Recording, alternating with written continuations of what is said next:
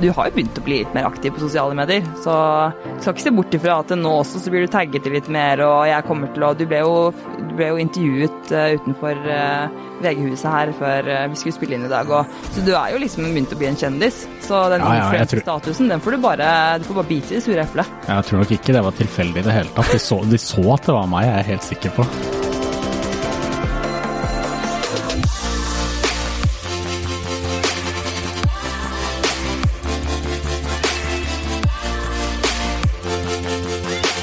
Jeg er så heldig å ha med meg tights.no på laget, som gir meg muligheten til å faktisk kunne lage denne podkasten, og det er jeg så utrolig glad for.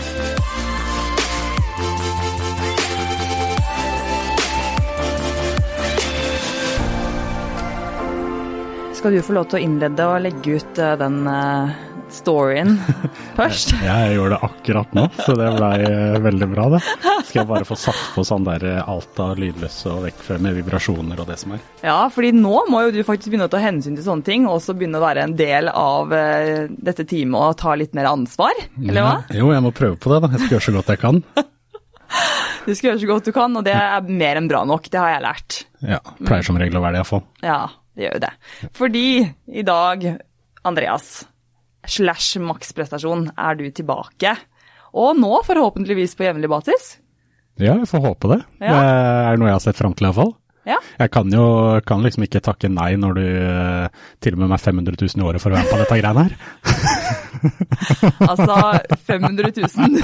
Eh, vi, vi, venter, vi venter et par år, så ser vi hvordan det går. Kanskje, kanskje du får en en lukrativ avtale da? Får håpe det. Vi får starte med, vi vil starte med spons fra Skyr, da, Ja. tenker jeg. ja, det er det viktigste. Ja, det er faktisk det viktigste. Det er Det er viktig å nevne det. At det har jeg sagt til deg i noen uker nå, at den, den sponsen den må vi skaffe deg, fordi at du er storforbruker av Skyr. Ja, det er det. Det er uh... Jeg tror det er noe av det sånn der go to-måltidet på farta og sånn, så er det det jeg tyr til, liksom. Ja, ja. Ja men det, er, det gjør for så vidt jeg også. Kanskje ikke alltid, så, men jeg er veldig lompe, lompejente. Ja, det er digg, det. Men er det da bare typ lompe og noe kyllingskinke og sånne ting, eller er det med noe smørost og salat og alt mulig sånn, eller bare lompe? Du, altså jeg hadde faktisk en samtale med en i går angående dette her, og mat for meg er jo veldig sånn, jeg må jo spise mye. Så, så mat for meg, jeg nyter mat, jeg er veldig glad i mat, men det, det må ikke Jeg lager herremåltid når jeg er hjemme, Ja. alltid. Men når jeg er på farta, som jeg som regel er, eller mellom eh, økter og sånn på dagen, så kan jeg ikke spise så mye. Eh, og da blir det veldig lett å bare ha med seg en lompepakke og skinke og ost. Ja. Eller eh, polarbrød er favoritten, da. Men eh, ja, i dag var det lomper. Hvilke polarbrød er favoritten, da? Havre. Havre. Selvfølgelig. Det går seriøst ikke med fullkorn. Sorry, altså. Gjør du ikke det? Nei. Det er for tørt. Har du smakt? Jeg har smakt, ja. Ja, du har det, ja. Ja, ja. Men jeg er veldig lite kresen, da. Jeg spiser sosialt, jeg, så det går fint, det. Ja, ja, så du er fan av fullkorn òg? Ja, jeg tror da det. Jeg hva kan ikke huske mest? Hva sa du? Vet du hva du liker mest, liksom? Av uh, polarbrødvariantene? Ja. Uh, nei, men uh, kan jo late som havre er best, da. Ja, og dæven, nå kom jeg på en ting. Eh, det må jeg faktisk si, fordi at vi avsluttet jo sist, eh, da du var med sist gang, med at du stilte meg et spørsmål om sjokolade skulle være romtemperert eller i kjøleskapet. Ja. Og så klarte jeg egentlig ikke å svare på det, men så, men så sa jeg til slutt romtemperert. Og det er bare Altså, det har, jeg har gått og tenkt på det så mye i etterkant at det var bare sånn Fy fader, det er jo helt feil! Det er jo det. Det er helt feil! Yes. Det er jo så mye bedre i kjøleskapet. Altså, jeg måtte jo begynne å tenke over det, ikke sant. Men det er jo åpenbart ikke noe som har opptatt meg. Jeg har bare blitt veldig Altså, jeg har spist mye sjokolade i siste. siste. Og da har jeg på en måte fått litt mer hvilke preferanser jeg liker, da. Altså hva jeg har. Så det Og da er jo neste spørsmålet, da. Ja. Eh, frukt, skal det være ute eller i kjøleskapet? Liker du da kald frukt eller romtemperert frukt? oh, kald. Ja, bra. Mm. For det var eh, noe her om dagen da jeg la ut en story på Instagram. Ja. Eh, så var det annet noen som reagerte på at jeg hadde bananer i kjøleskapet, for de skal jo egentlig ligge ute. Ja, men jeg liker jo best at bananen er kald. ja. Eh, så ja, det er derfor jeg måtte spørre. Summa summarum. Ja. Hva skjer da? Nei, den blir varm, i hvert fall nå. Det er jo krisevarmt nå. Altså ikke krisevarmt, vi skal jo være veldig takknemlige for at det er varmt. Men eh, jeg i hvert fall har jo kokt siste tiden. Mm. så hvis det er noe som ligger ute på benken, så blir det mer eller mindre ødelagt. Eh, og bananene blir jo brune med en gang. Jeg føler at det liksom forsinker litt prosessen ja, når det ligger i kjøleskapet. Ja, nei, altså det veit jeg faktisk ikke, jeg burde jo vite sånt. men eh, greia er at jeg spiser opp alt av frukt og grønt før det i det hele tatt blir aktuelt. At ting blir, holdt på å si, la oss si råttent eller begynner å modne såpass mye. Har aldri vært et problem for meg, jeg spiser det opp altfor fort. Da kommer et oppfølgingsspørsmål, fordi jeg vet jo at du spiser mye grønnsaker og mye frukt og sånn. Hvor mye tror du du spiser i løpet av en dag av eh, frukt og grønnsaker? Eller i løpet av en- dag? I løpet av en dag så er det iallfall 1,5 kilo. en og en halv kilo med frukt? Og grønt, ja. Er det mye på do? Eh, nei, ikke noe mer enn det som er normalt, tror jeg. Ok. Ja, nei, for jeg tenker jo at det er mye fiber. Så, Det er det. Men uh, noen uh, mager er jo mer ømfintlige enn andre. Men, men frukt er jo absolutt deilig og bra. Og nå, i hvert fall nå i varmen. Ja, for det er også mange som reagerer på det på storyene mine. Jeg legger ut bilde av frokost og lunsj og alle disse greiene her. Ja. Så det er mange som ikke skjønner hvordan jeg klarer å spise så mye frukt f.eks. i et måltid. Da. For hadde de gjort det samme, så hadde jo de eh, fått vondt i magen eller et eller annet. Ja, ja. Eh, og det er det jo en kjent, eh, kjent sak, det at det er enkelte som reagerer litt på, på mye frukt. Mm. Men eh, jeg gjør ikke det, og jeg har ikke noe problem med noe mat i det hele tatt. Åh, så deilig. Ja, det er dødsdigg. Det er superdigg. Jeg har jo mange Altså, jeg kan ikke spise for mye fiber, sånn at jeg spiser heller mer bare rene carbs, og så må jeg fylle på litt med, med grønnsaker, Ja. faktisk. Men det er litt sånn for, eh, for magen min. Jeg har jo hatt uh, type IBS Mm. i noen år. Hva er din, uh, hvis du skulle levd på én karbohydratkilde da, resten av livet ditt, hva skulle det vært? Og da, altså, uh, jo, ren karbohydratkilde, du kan ikke si sjokolade liksom fordi det inneholder sukker og sånne ting, men en ren karbohydratkilde. Oh. Kan du komme med fem alternativer? Mm, ja, det skal jeg prøve på. Ja. Potet, ris, pasta, bulgur eller brød.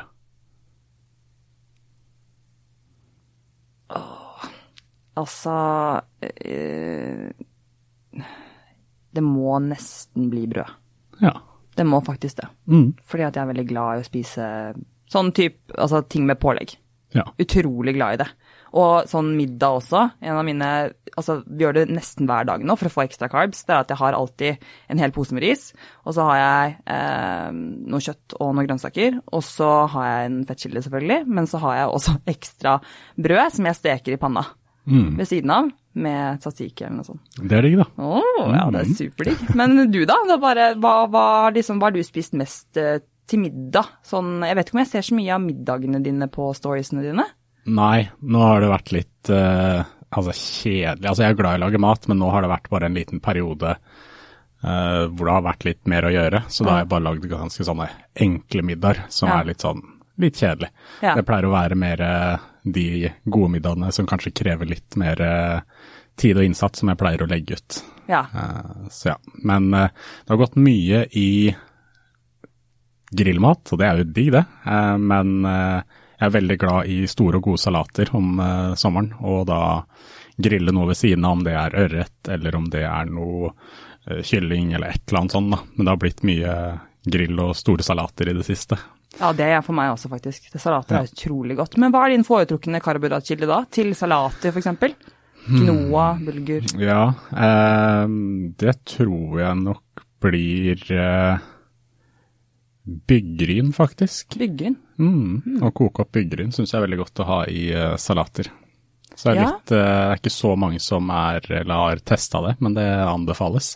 Hvis jeg skulle gått mer den, la oss kalle det mer tradisjonelle veien, så tror jeg nok uh, bulgur, kanskje. Bulgur, ja. Ja. Ja. ja, det er veldig godt. Det er lenge siden jeg har spist noen sånn, sånne typer, eh, faktisk. Eh, det er også en ting jeg kan reagere på. Quinoa, f.eks. Jeg vet ikke hva det er for noe i det. Og søtpotet. Eh, men jeg vet ikke hva som er i det som gjør at jeg får veldig mye problemer med magen. Men, Nei. nei. Men det var en fun fact for deg. Jeg vet ikke om du, du dreit vel sikkert i det? sånn egentlig. Jo, det, altså, jeg vet ikke om det var så fun, men det var i hvert fall en fact uansett. Det var en fact, ja. Ja, det, var det det, var det. det var det. Og når vi først er inne på det, altså vi kan jo, ikke sant, det er jo så gøy at du er eh, med. Du er jo blitt nærmest, hva kan vi kalle det, sånn offisiell eh, co-host. Ja, jeg har det. Så det, det er jeg glad for. Liker du tittelen? Har du lyst til å, opp, å finne opp en egen tittel? Eh. Co-host, det er jo veldig mainstream, da. Det er jo det liksom man alltid blir introdusert som. Det er liksom sånn co-host. Uh, Vet du hva jeg tenker? The real MP. ja, The Real MP. Ja. Det liker jeg. Ja. Så det kan vi ta. The Real MP. Det kan du introdusere meg som. ja, altså skal bildet uh, for denne podkasten her og artikkelen skal faktisk være deg her nå, altså The Real MP. For nå sitter du faktisk med høretelefoner og ser skikkelig gangster ut. Men kan du da redigere på et tjukt sånn derre Ja, ja, ja, ja. gullkjede? Altså, he- ja. Med da bokstavene MP. Ja, ja, greit. Greit. Ok, jeg skal gjøre mitt beste. Jeg må faktisk prøve på det.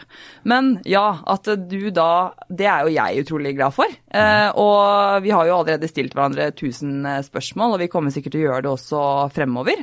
Eh, og det er jo en ting vi tenkte at vi skulle snakke litt rundt også, bare Vi må jo bli bedre kjent, vi òg. Ja. Eh, og vi ønsker jo også å finne ut om ok, er det noen type spalter vi kan ha fast hver uke, og noen spørsmål som folk stiller deg. Altså, folk stiller deg veldig mye spørsmål, spesielt på Instagram. Eh, men jeg tenker jo at det er eh, en veldig fin, eh, fin måte å på en måte um, ja, ha et samspill oss to imellom, men også med lytterne våre. At vi kan prøve å få litt mer av det fremover. Ja, jeg er veldig enig, og det var jo litt av det Vi snakket jo om det her i, i går også, Mm. da du ringte meg på kvelden. liksom Vi skulle finne ut liksom, ja, hva er det som skal skje i dag, liksom, egentlig. Ja, ja. Ehm, men så fant vi vel ut at uh, vi ønsker jo å ha noen faste spalter etter hvert, kanskje. Mm. Ehm, må jo eksperimentere litt, og eventuelt kanskje få noen eh, innspill. Både du og jeg har jo eh, noen følgere, så det hadde jo vært fint om eh, eller lyttere også av podkasten kunne komme med noen forslag til spalter som kan være morsomme å få med. Ja.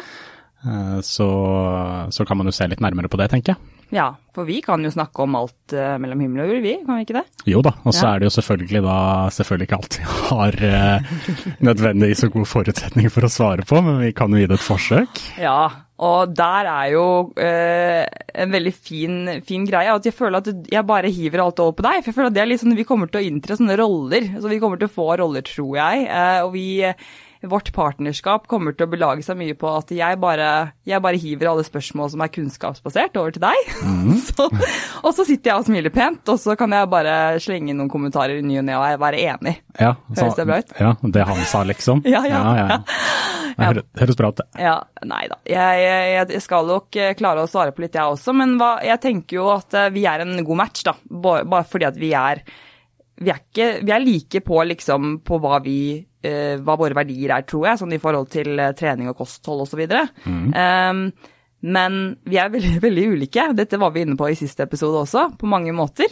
Um, hva tror du er bra for, at, uh, for uh, vår, chemistry i forhold til å ha podkast sammen? Uh, ja, nei, men det, det jeg tror er litt bra, da, det er at som du nevner, så har vi jo noen ting som er eh, som vi har felles, eh, som er bra. Men samtidig så er vi ganske ulike som personer, altså i form av personlighet, hvordan vi er.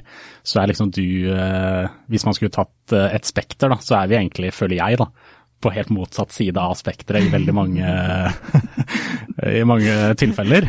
Ja. Eh, Så jeg tror det kan bli en morsom greie da, å ha i podkasten. Ja. At man ikke nødvendigvis er 100% enige om alt og sånne ting. At man kan eh, få litt sånn fine diskusjoner rundt ting. Og eh, eh, dele litt erfaringer og tanker rundt ulike emner, da, når man kanskje er litt forskjellig på, på de områdene også. Så det tror jeg kan være positivt, istedenfor at man bare har noen som er 100% like på absolutt alt hele tiden. For eh, det kan fort bli litt kjedelig også. Ja. Ja, jeg er helt enig. Jeg kan igjen? Nå, bare, nå svarer du på noe som ikke er kunns kunnskapsbasert heller, og da jeg bare sier meg enig, fordi at eh, jeg kunne ikke sagt det bedre selv. Nei. Faktisk. Men uh, i, den, i, den, uh, i det tilfellet her så er jeg faktisk uh, jeg er veldig enig, og jeg tror at når du er inne på dette også i forhold til um, i forhold til at vi skal bli bedre kjent, ikke sant? at vi kommer til å ha mye diskusjoner. Vi kommer jo til å Jeg tror jeg stilte dette spørsmålet her da vi hadde et møte for noen uker siden også, om hvem tror du kommer til å bli irritert på hvem først. Ja, det stemmer. Og det blir faktisk Jeg, jeg gleder meg egentlig gleder og gruer meg litt til å finne ut av hvem det er. Um, Ja, jeg tror, jeg tror jeg svarte at jeg tror det er meg som kommer til å være Ja. irritert på deg. ja, og så sa du men jeg blir ikke Nei, så sa du jeg blir ikke i, i, Nei, stemmer det. Jeg blir ikke sint. Nei. Du var veldig skuffa. Ja, jeg blir skuffa. Altså, for jeg sa jo det til deg også, liksom at det er sånn Jeg blir veldig sjeldent sint eller sur, men jeg kan jo da bli oppgitt og si ifra at det her setter jeg ikke noe pris på, f.eks., eller uh, hele den biten der. Og det sa jo du nesten var verre når vedkommende som er la oss si skuffa oppgitt, er veldig rasjonell i måten de snakker på, istedenfor å bare bli veldig, veldig sint og bli ferdig med det. Ja. At man liksom skal være så uh, seriøs og rasjonell i måten man kommuniserer på. Så uh, jeg tror det kan bli spennende. Altså, det her er en utfordring jeg tar på strak arm. Eh, jeg, for jeg tror det kommer til å bli en utfordring også. Det er helt riktig som du sier, fordi at det er litt eh, eh, den rasjonelle og formelle måten din å kommunisere på. Du er jo litt sånn Du er litt formell i måten mm. du snakker på, på en mm. måte. Og så er det veldig ordentlig. Eh, og så føler jeg meg litt sånn i motsatt ende. Eh, men det, jeg takler det faktisk mye bedre at folk står og skriker til meg. Nå er det ganske lenge siden, for jeg føler at folk har en tendens til å være litt redde for meg. Jeg vet ikke helt eh, hvorfor, men eh, jo da, jeg vet, jeg vet. jeg, jeg, kan ha litt resting bitch face. Men jeg eh, jeg, jeg, takler det veldig mye bedre, og det tror jeg de fleste kanskje gjør, hvis det kommer til stykket. Men mm. derfor så blir det i hvert fall en interessant Nå er det en liten sånn fin digresjon her som vi sikkert kommer til å ha mye av eh, i podkasten. Men jeg syns at Jeg tror i hvert fall at eh, den eh, kommunikasjonen vi har, uh, er veldig Kan bringe frem veldig mange fine nye temaer også på banen, i og med at vi har så kanskje forskjellig syn på ting. Det får vi, vi får finne ut av det. Ja, nei, jeg tror det blir bra, ja. Men apropos, når vi var inne på det her med kommunikasjon og hvem som blir eh, først sint og hele den biten der. Eh, hva slags type person er du? Er du en som eh, eh da blir veldig eh, sint og høylytt og irritert, eller er du eh, noe annet? Uh, det kommer an på situasjon Altså, jeg føler nesten at det er så vanskelig å svare på et sånt spørsmål, spesielt etter uh, den koronaperioden vi har vært gjennom nå, siden jeg føler at utviklingen min sånn personlig har vært veldig, veldig intensiv det siste året. Um, så hvis jeg hadde bestilt i den situasjonen nå, så er det litt vanskelig å altså, å svare på, men jeg tror at det er veldig forskjellig fra hvordan jeg reagerer på, kanskje på folk i familien min, kontra mm. hvordan jeg reagerer mot andre. Ja. Um, men jeg er nok veldig, jeg er nok veldig krass. Ja. Det, ja, dette må vi få testa ut. Ja, det, nå, nå, ser du det her som en utfordring, det er jo det jeg er litt sånn redd for. Uh, men uh, ja, vi får se. Du finner nok ut av det. Ja. Det vil jeg anta. Ja, Men det er bra, det. Jeg er ikke bare sunshine and rainbows. Det var ikke det, nei? nei, men der er vel to. Å, jo da. Um, men uh, så jeg tenker jo at du har kanskje fått noen spørsmål. Vi har i hvert fall Du har den plattformen, og det er jo et, et annet aspekt av, den, um, av de rollene vi har, føler jeg. Det er litt den at, at vi har kanskje litt ulik følgerskare. Mm. Det er i hvert fall min oppfatning. Uh, og derfor så er det veldig interessant å, å høre litt uh, Eh, rundt disse spørsmålene, og kanskje ta opp noe av det, det tenker jeg kan være en fin eh, spalte eller noe lignende å bringe videre. At vi mm. uansett tar opp litt av de eh, enten nyhetssakene eller de eh, toppspørsmålene som kanskje har trigget mest av din eh, både nysgjerrighet og av det du ønsker å, å formidle, da, og kanskje avverge i forhold til de spørsmålene du får. At vi tar opp eh, tre til fem av mm. de tingene hver uke. Hva tenker du om det? Jeg tenker det er gull, ja. Det er, var fint. Jeg får jo, som du sier, mange spørsmål i, uh, på profilen min. Både i det, men også på disse spørsmålsrundene. Så da tenker jeg at man kan prøve å sortere ut de som uh, kanskje krever for, for, som regel da, så er det jo det at når jeg skal svare på spørsmålene, så er det jo noe som krever en del mer kanskje nyanser enn det man får fram da, på mm bare å svare på Instagram. Så de spørsmålene kan jo være greit å snakke litt rundt, fordi de krever litt mer nyanser og eh, litt, eh, litt mer kontekst rundt seg, da. Så det tror jeg kan være fint hvis man klarer da å sortere ut noen av disse spørsmålene som krever litt mer eh, litt lengre svar, da. Ja, det, det, altså det, tror jeg også er kjempefint. Det er en veldig fin mulighet å, å kunne snakke mer rundt det, som du sier. Eh, og også fordi at du har, du har så mye kompetanse og kunnskap. Og der også at det at vi også kan flette inn mine, min respons på, på disse spørsmålene, eller hva jeg kan komme med av, bidra med av erfaringer, og min kunnskap, kan jo også kanskje hjelpe med å um, fylle inn litt da, i, mm. i svarene. Oppfølging til spørsmålene. Ja, så absolutt, og det tror jeg kan bli veldig bra. Mm. Så har du da noen spørsmål som du føler, for du kjørte jo en spørsmålsrunde i går? Ja, det gjorde jeg. Ja. Uh, og det var som vanlig nok av spørsmål å velge mellom, men det var ett som jeg tenker man kan ta opp litt, for det er et tema som mange kanskje ikke forstår seg så veldig mye på. Um, og det handler jo om hvordan jeg klarer å gå ned i vekt uten å telle kalorier. Uh, for nå føler jeg at i dag så har mat blitt mer tall enn uh, det å Eller det har blitt mer tall istedenfor matglede. Og det jeg legger i det, er at uh, alle tror at man må forholde seg til et kalori Eh, da, med ulike fordelinger til de ulike måltidene for å gå ned i vekt. Ja. Og så blir det til at man ikke kjenner så veldig mye på både metthetsfølelse eller sultfølelse eller gleden rundt mat. Da. Det å eksperimentere med ulike smaker, ulike sammensetninger og sånne ting. Man forholder seg kun til dette tallet som man har fått, om det er 2000 kalorier eller 1500 eller hva det enn måtte være. Og så er det sånn at hvis man har, eh, la oss si da, spist opp alle de kaloriene klokka ett på dagen, så er det sånn nei, da får jeg ikke spist noe mer i dag, da. Så det, går man rundt og plutselig er supersulten resten og hater livet resten av dagen. Ja. Eh, så jeg er jo mye mer for at man skal kunne eh, høres jo litt sånn rart ut, men at man må lære seg å spise igjen. da, fordi etter eh, mange år så er det jo mange som følger dette, sånne kaloribudsjetter i mange, mange år. Og da undertrykker man litt disse vanlige sultfølelsene og metthetsfølelsene. Man veit ikke helt det der med å Ok, når jeg spiser et måltid, da, når, hvordan skal det kjennes ut når jeg er mett? Eh, hvordan kjennes det egentlig ut når jeg er eh, sulten?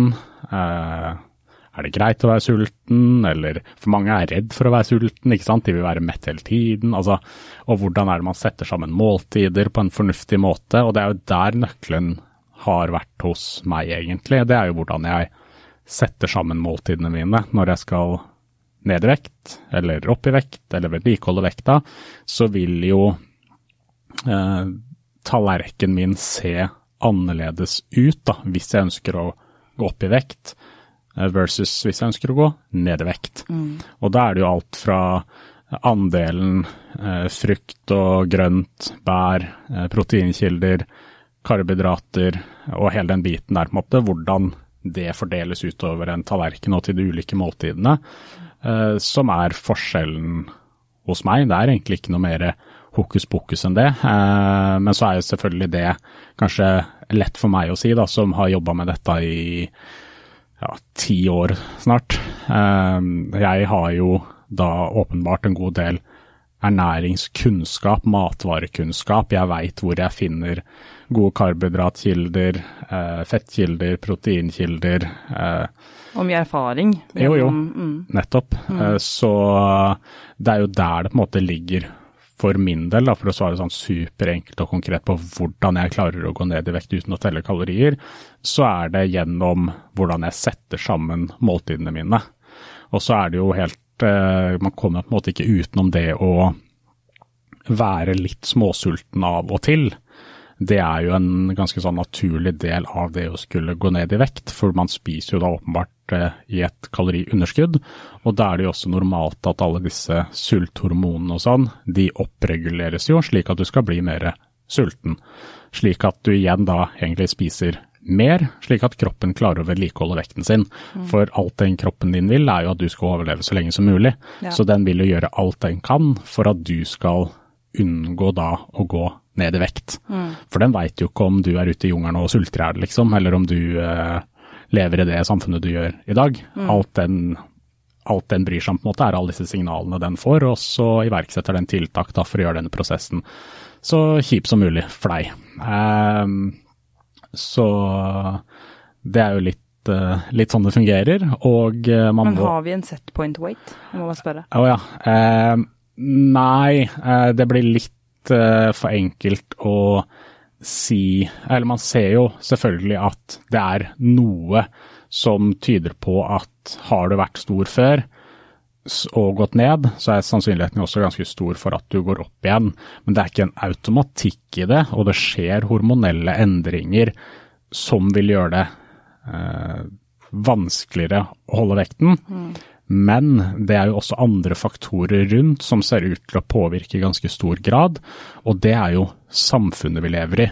Ikke bare det som skjer inni kroppen, men det som er utenfor. Og det vil jo da si at hvis eh, La oss si overvektige Lars da, har eh, klart å gå ned til en eh, ganske sunn og normal vekt, men han bor allikevel i eh, en storby hvor det er kafeer og junkfood på hvert eneste hjørne omtrent. Du kan også bestille mat hjem på døra, så du slipper å bruke kropp og gå ut til og med for å kjøpe mat. Uh, bruker kanskje en del kollektivt også, for alt jeg vet, så man er relativt inaktiv. Det er høy tilgang på mat. I tillegg til at sosiale kretsen kan ha noe å si. Hvis Lars da har en krets som altså Nå setter jeg ting veldig på spissen, da, men som består av primært bare gamere, holdt jeg på å si, som sitter mm. hjemme og spiller, og det gjør han også versus da hvis vennekretsen hans hadde spilt fotball eller driver med frisbeegolf uh, hver eneste dag liksom, og vært aktive, så har jo det også en innvirkning. Mm. Og så ser man jo også at den sosioøkonomiske statusen spiller jo en rolle. Hvis han har uh, levd på la oss si fattiggrensa, da, bare for å igjen sette ting litt på spissen, mm. så er det ikke sikkert at uh, han har de ressursene som kreves for å opprettholde det man kanskje vil kalle en sunn livsstil. Da. Så det er jo andre faktorer som også påvirker i veldig stor grad. Så det er ikke noe automatikk i at Eller det er derfor jeg mener at mange sier jo det her at ok, er du overvektig, så skal du nesten bare droppe å gå ned, fordi du kommer automatisk til å gå opp igjen. Og i mange tilfeller så er det sånn, men det er ikke noe automatikk i det. Det kommer litt an på disse andre faktorene som vi da snakker, snakker om, da. Mm. Ja. Mm. Uh, men for å gå litt tilbake til det her med disse, det å være sulten hvis man skal ned i vekt, så er det noe man også må akseptere. At det å gå rundt og være litt småsulten, det er en uh, helt uh, naturlig respons, og det må man jo leve med. Men det er jo forskjell på det å være småsulten og det å være nesten sånn dødsulten, hvor du merker at konsentrasjon Ja, jo, jo, jo, men at konsentrasjonen forsvinner. Eh, det rumler i magen, du har nesten, litt sånn småvondt i magen. Eh, det er en stor forskjell på de to. Man må på en måte kunne tillate seg å være litt eh, litt sånn småsulten mellom måltidene, det er noe man må akseptere. Ja. Hvis man går rundt og tenker at man skal være stappmett hele tiden, eh, så, så, tror jeg det kan bli litt vanskelig. Og det er jo litt det der med å litt sånn reality check da, på det, av hva man må forvente seg eh, når man ønsker å gå ned i vekt. Og så er det selvfølgelig ting man kan gjøre da, underveis for å bli å holde seg mest mulig mett da, mellom måltidene. Og det er jo her frukt, grønt og bær og proteinkildene kommer inn, da, og spiser mye av det. For det eh, gir en veldig god metthetsfølelse. Det tar opp ganske mye volum i magen vår uten å nødvendigvis tilføre enorme mengder med kalorier. Da. Ja. Så det er jo litt det her med sammensetningen av måltiden igjen. Ja, det kommer til å være veldig individbasert, som du sier. Det er så mange faktorer som spiller inn i, i, i rett og slett dette med vektnedgang og hvor mye du kan spise. Eh, og min oppfatning er at du må rett og slett bare gjøre den vurderingen at enten så må du bevege deg mer, og så trenger du egentlig ikke å ta så store grep i kostholdet ditt. Eller så må du endre kostholdet ditt mm. på en eller annen måte. Og så kan du leve sånn som du gjør nå, som er et bedagelig liv, hvor du ikke beveger deg så veldig mye. Mm. Uh, så det er kanskje litt den vurderingen jeg tenker at uh, du må gjøre. Og så blir det som du sier, og du og jeg har jo uh, mye erfaring, mye kunnskap om ernæring. Du har jo selvfølgelig mer enn meg, så jeg skal ikke si at, at jeg noe, har noe utdannelse innenfor det, men jeg kan mye om det. Og jeg tror den erfaringsbiten er en veldig eh, viktig ressurs, eller veldig viktig verktøy eh, å bruke når du kommer til å se på en tallerken, for jeg heller veier jo ingenting eller teller ikke kalorier. Det er bare at jeg vet at jeg trenger å ha i meg så og så mye, og det vil jo si at det er veldig annerledes fra eh, en annen person fordi jeg trener crossfit og jeg trener stort sett to ganger om dagen. Mm. Eh, og det er jo noe jeg også egentlig hadde lyst til å ta opp med deg, for jeg så at du hadde skrevet noe angående det, eh, med eh, type sammensetninger eh, i forhold til f.eks. For en crossfit-utøver mm. kontra en som ikke trener like, mm. eh, like mye kondisjon og har kondisjon, da. Ja.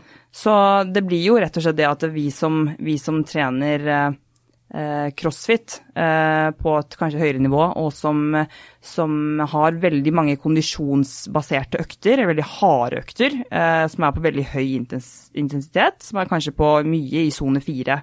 Mm. Vi trenger mye karbohydrater. Mm. Men det betyr ikke at man skal skygge unna karbohydrater, selv om man ikke trener crossfit eller trener noe annet.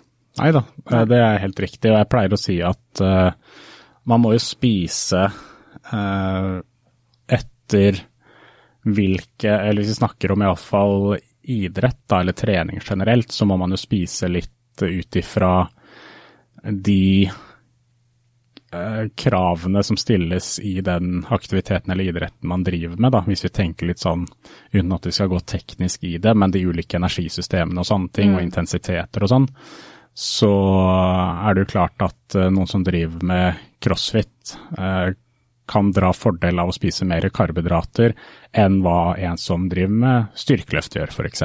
Ja. Selv om styrkeløftere kan ha lange økter og hele den biten der, så er det allikevel eh, den eh, effektive arbeidstiden da, som de har, er jo ofte ikke så veldig stor, sammenligna med noen som driver med crossfit, hvor ting går jo litt mer i ett og mm. med høy intensitet over en litt lengre periode. Mm. Så stiller jo det høyere krav til bruk av karbohydrater enn hos en styrkeløfter som løfter eh, et par repetisjoner og sitter på sofaen i 20 minutter liksom før neste, før neste, mm. neste sett. Mm. Så um, ja. Eh, så jeg tror nok at det er litt viktig å tenke på det også. Det er jo hvis man ser bort fra trening og eh, idrett igjen, da, så er det jo litt det der med eh, karbohydrater og hvilke kilder man bruker og hele den biten her, og hvor mye man skal ha i seg, så er jo jeg også for at man eh, skal eh, spise såpass mye karbohydrater som livsstilen din tilsier at du trenger, holdt jeg på å si. Og det vil jo da si at en som trener daglig og kanskje to, to ganger om dagen, eh, kan med fordel spise mer karbohydrater enn en som kanskje mosjonerer to ganger i uka, har en kontorjobb og ellers er kanskje sitter mye på sofaen. Mm. For karbohydrater er jo ikke noe vi må ha. Kroppen kan produsere det vi trenger av glukose selv, eh, men eh, Samtidig så er det jo ganske mange karbohydratkilder som er godt etablert i det norske kostholdet, som gir oss en god del næringsstoffer og er gode kilder til næringsstoffer som vi trenger.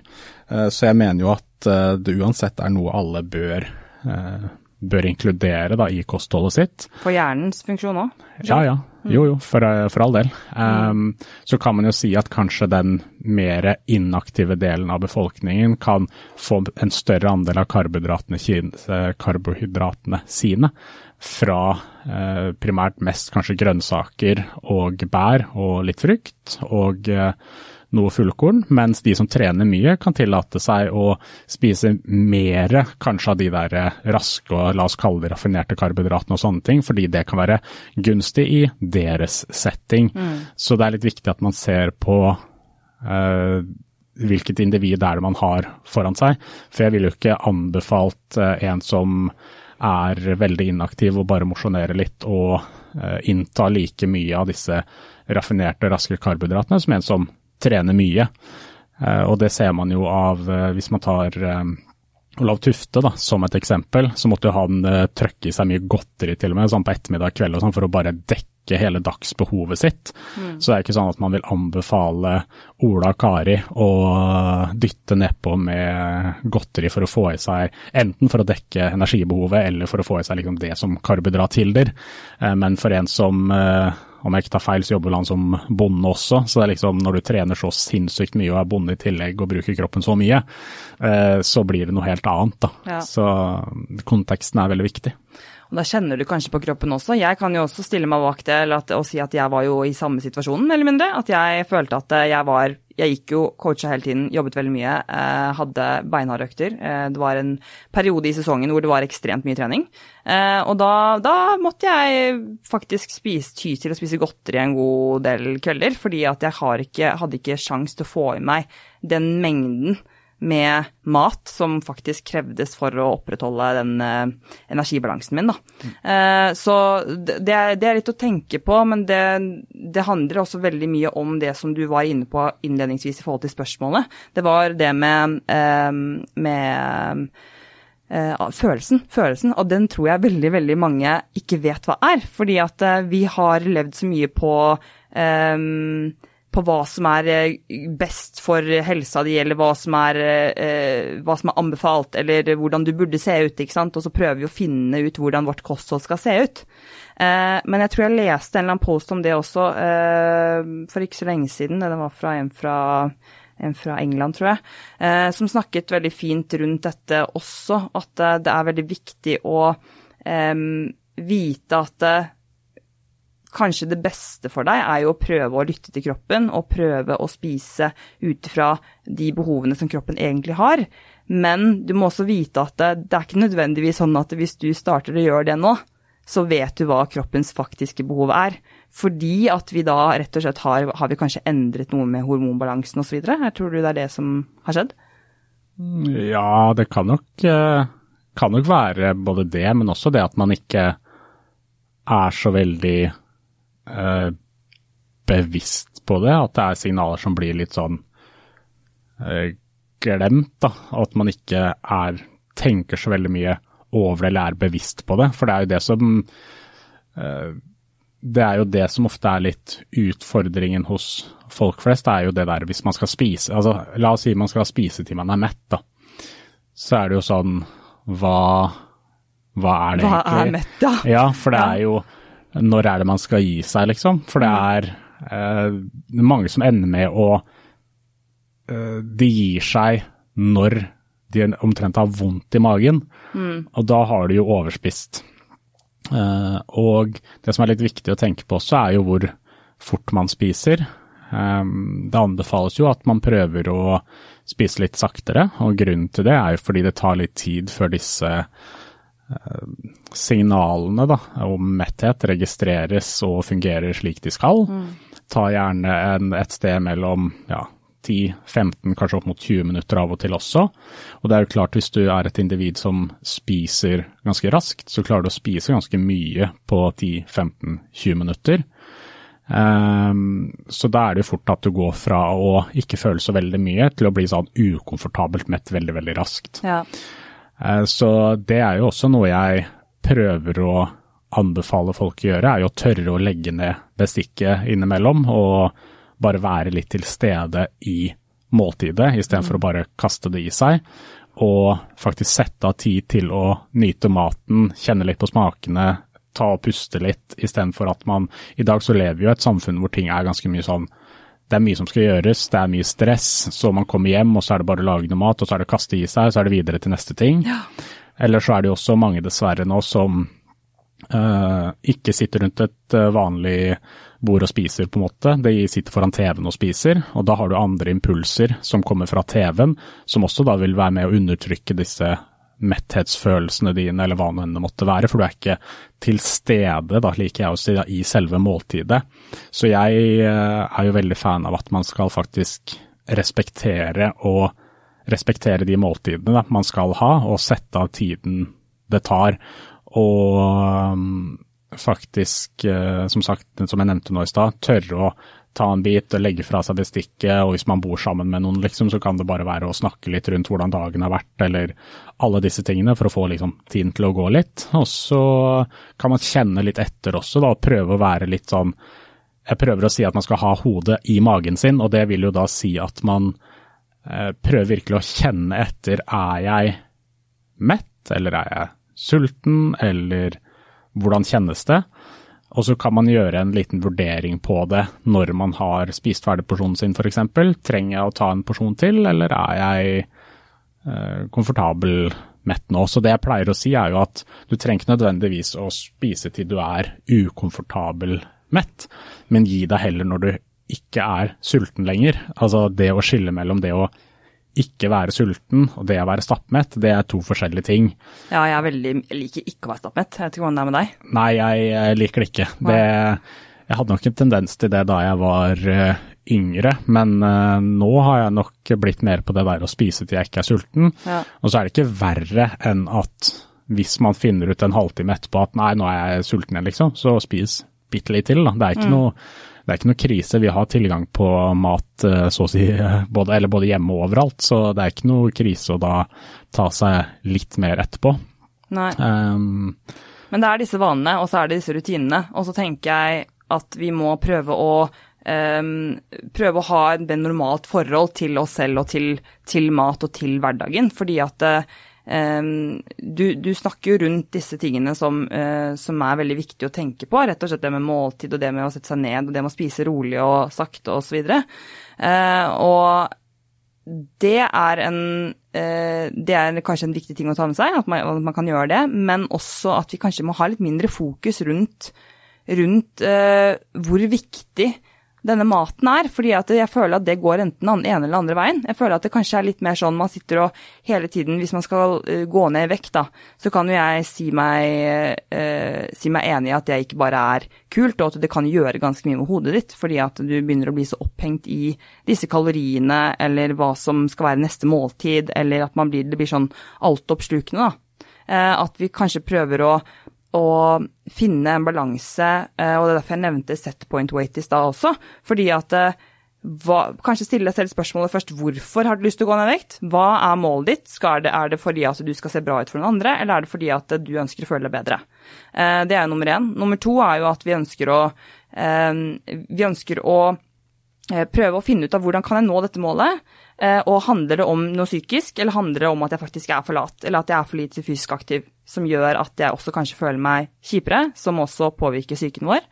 Eh, eller er det rett og slett bare at vi, eh, vi, trenger å gjøre noen endringer sånn at vi kan ha litt mer energi i hverdagen, fordi at kostholdet spiller en veldig stor rolle der.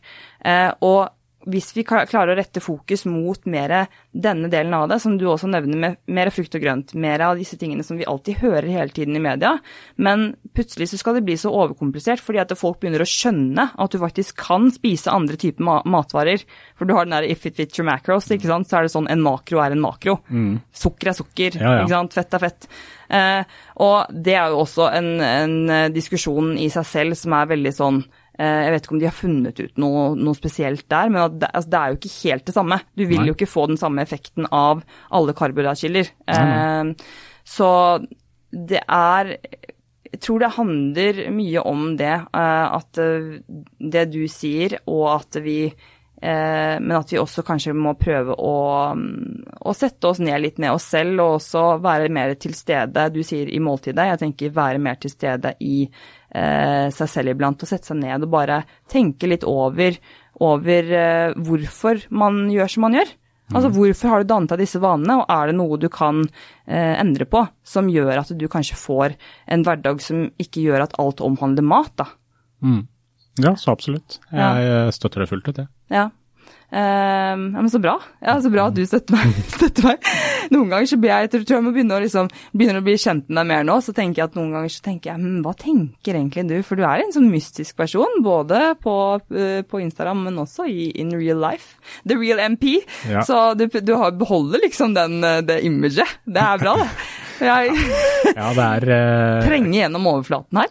Ja, det skal uh skal godt gjøres å komme ordentlig, ordentlig inn på meg, skjønner du. Det, så jeg må holde den uh, mystikken lite grann. Du holder den tett i brystet, den ballen. Ja, jeg gjør det. Ja, men det er, det er litt kult også. Da. Jeg syns det er en utfordring for meg. Og jeg tenker jo Veldig mange tror sikkert at de kjenner veldig mye eller vet veldig mye om meg også, fordi at jeg er åpen om min historie. Men jeg tror ikke De kjenner meg nok ikke så godt. Eh, jeg har jo ganske mange nyanser, nyanser til meg. Eh, men eh, det var, jo, det var jo et av spørsmålene som du nå har tatt opp, og det her kan vi snakke om mye. Ja, ja. Sånne ting. Så jeg tror mye kommer til å gå rundt ja, disse temaene. Det kommer til å være mye om trening, det kommer til å være mye om kosthold. og det kommer Jeg og vet at jeg er veldig opptatt av det, jeg vet at du også er veldig opptatt av det. Du har sagt at det er en av dine jeg vet ikke om du har kalt det hjertesaker, mm. men psykisk helse for da spesielt gutter. Mm. Og derfor så er det jo det også veldig fint, at vi kan belyse det fra hver vår vinkel. Og fra to forskjellige kjønn. Og at vi ønsker å, å snakke mer om det også. Ja, jeg tror altså Det er jo også noe jeg syns var eh, Altså noe av grunnen til at jeg også ville bli en del av den poden sånn sett, da. Mm. Det er jo det eh, aspektet, eller eh, hva skal man si, um, fokuset da, på mental helse.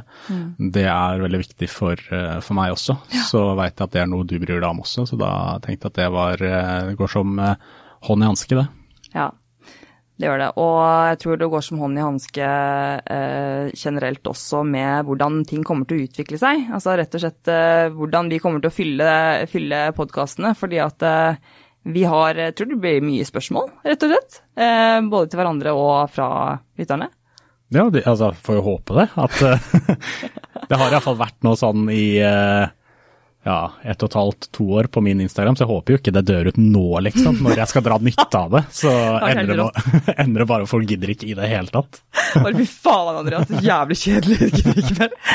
Nei, jeg tror, jeg, tror, jeg tror, ikke det, altså. Eh, du har jo vært Du er jo syns er interessant. Jeg, synes, jeg tror det er noen som sa at du var eh, da, Nå har du begynt å bli skikkelig influenser, Andreas. Så nå må du Jeg hater det, altså. Det er det uh, verste jeg veit tror jeg, å bli kalt en influenser. Men uh, det er jo fordi uh, sikkert jeg har mine Altså egentlig så er jo influenser bare en, altså en påvirker, så det trenger jo ikke å være noe negativt i det. Men det er nok det at jeg har en litt sånn negativ assosiasjon med de som blir omtalt som influensere, da. Det blir jo på en måte en sånn stereotypi ut av det. Eh, som jeg ikke er så veldig gira på å bli assosiert med. Eh, men ja, så folk sier jo at jeg er en influenser, men jeg ser ikke på meg selv som en. Jeg vet ikke hva jeg ser på meg som engang. Kanskje som en informasjonskanal eller noe. Jeg veit ikke. Det er best jeg kom på. Men det er helt riktig. Altså, jeg tror veldig mange assosierer influensere med noe mer neg altså, i negativ forstand. Ja. Eh, og det burde jo egentlig ikke være det. Så vi kan jo begynne å slå et slag for det, da. Ja. At eh, en influenser skal jo faktisk ikke være noe negativt. Det er jo, du kan jo ha en god innflytelse og positiv innflytelse også, ja. og det har du. Eh, så derfor så er jo jeg veldig heldig som har med deg her. Eh, og jeg, eh, jeg digger deg jo. Sånn til nå, i hvert fall. Så vi får jo bare se hvordan jeg holder ut. Gi, gi det et par episoder, så får vi, får vi ta det opp igjen. ah, ja, vi får se. Uh, jeg um, tror at det er greit å The Real MP, wrap up uh, på, på, et eller annet sett og vis. Jeg uh, tror disse um, Det kommer til å leve litt sitt eget liv, men som sagt at vi prøver å få inn noen, noen spalter. Ja. ja. Og da, da får du Du får ta da det, det ansvaret. Å oh ja, ok.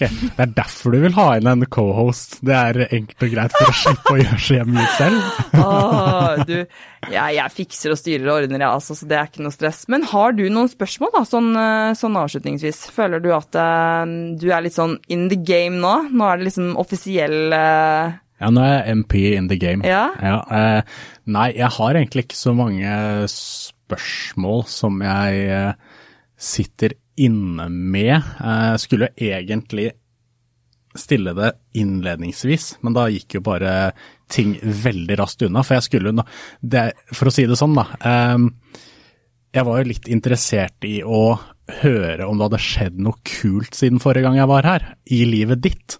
For, det hadde jeg tenkt å høre med deg om også, faktisk. Du hadde det, ja? Mm. ja. Så vi, vi, kan jo egentlig da kjøre en reversal, med tanke på at vi skulle egentlig starta med det, og nå avslutter vi med det. Så det er jo en sånn fin intro, egentlig. Liksom, ja, hva har skjedd og alt mulig rart, liksom. Men eh, nå tar vi det helt til slutt. Vi snakker heller om polarbrød. Så hvis du spiller av denne episoden egentlig baklengs, så blir det her veldig bra. Ja. Nei, men uh, har det skjedd noe kult i livet ditt siden sist jeg var her, da? Å, det har skjedd så mye. Um, vet du hva, det har, eh, det har jo vært mer gjenåpning. Uh, så jeg er superhappy. Uh, utover det så har det egentlig ikke skjedd så veldig mye. Jeg føler bare at jeg har uh, Jeg føler at jeg har mer energi, jeg føler meg sterkere, og jeg føler at jeg begynner å få mer rutiner og struktur igjen. og det begynner å komme på plass. og Det tror jeg handler mye om rett og slett det med at du merker at samfunnet åpner mer igjen. da. Mm. Og da, nå begynte jeg, jeg satt faktisk i bilen i stad, jeg kan sikkert begynne å gråte nå også. Mm. Jeg satt faktisk i bilen i stad, så bare satt jeg og hørte på musikk, og så plutselig så begynte jeg bare å gråte. For jeg fikk en sånn følelse at det var masse sol, og her kjører jeg på vei i bilen. her kjører jeg på vei i bilen, og på vei til trening, og liksom Jeg bare Jeg har det så bra. Jeg bare føler at det, nå har jeg jeg har det bra, da, sånn genuint, og jeg føler at jeg skal liksom til trening, og der kommer det til å være folk, og jeg skal jobbe etterpå, jeg skulle ha podkast med deg. Og så bare kjente jeg så veldig på det at fy faen, har det vært et ganske forferdelig år. Mm. Det har vært et helt sinnssykt år. Det har jo det. Eh, ja, det har det. Og jeg bare Jeg tror at eh, I hvert fall sånn siden sist så tror jeg bare at det, ting har falt litt mer på plass, tror jeg. Sånn i det, i det livet som jeg ønsker å leve, da. Um, så ja, jeg er egentlig That's it. Og jeg bare er super uh, takknemlig for å kunne ha med deg videre. Um, og at um, jeg har noen jeg kan spare litt mer med. Men uh, hva med deg da, mister? Er det, hvordan er livet og sivilstatus? Hashtag. Ja. Uh, den er fin, den. Og så har jeg Den er fin.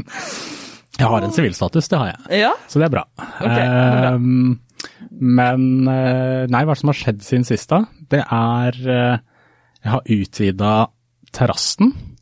Så det har jeg gjort.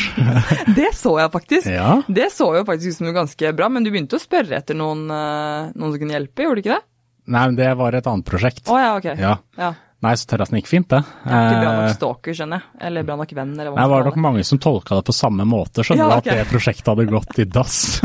Men nei, det, den står fortsatt, den, og det ble bra.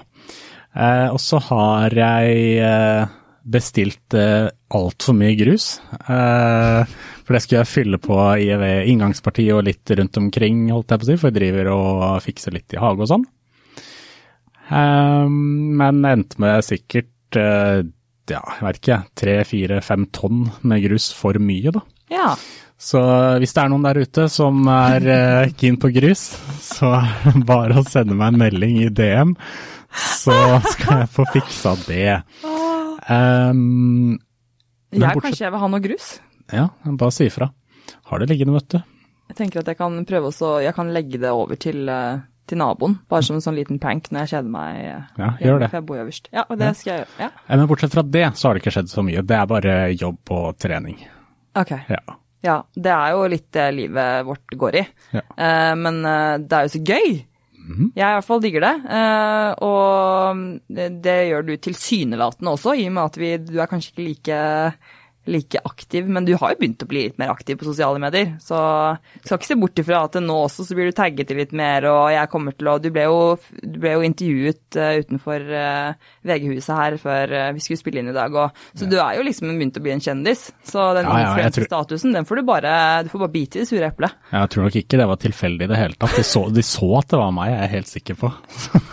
jeg er også helt sikker på det, faktisk. Jeg var jævlig sikker på det. Jeg gikk opp, den. Jeg gikk opp og skulle møte deg og tenkte fy faen, liksom. Det er så jævla typisk. Her sitter den kjendisen. The real MP. Ja. Uh, men uh, ja, ja. Skal, skal, ikke, trenger ikke å ha deg for meg selv. Uh, jeg skal ha lyst til å dele deg med, med alle. Ja, men det er hyggelig. Det er bra. Vi får håpe dama di også gjør det. Ja, håper det. men da hva, hva, skal det være de avsluttende ordene dine, da, siden jeg pleier å si du må huske å være snill med deg selv?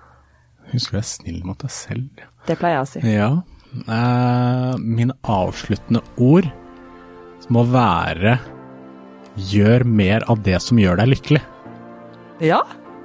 Ja, men den er Og så sier jeg husk å være snill med deg selv. Yes. Ok, Andreas, takk for nå, og så ses vi igjen eh, snart. Det gjør vi. Takk for nå. Takk for nå. Ha det bra.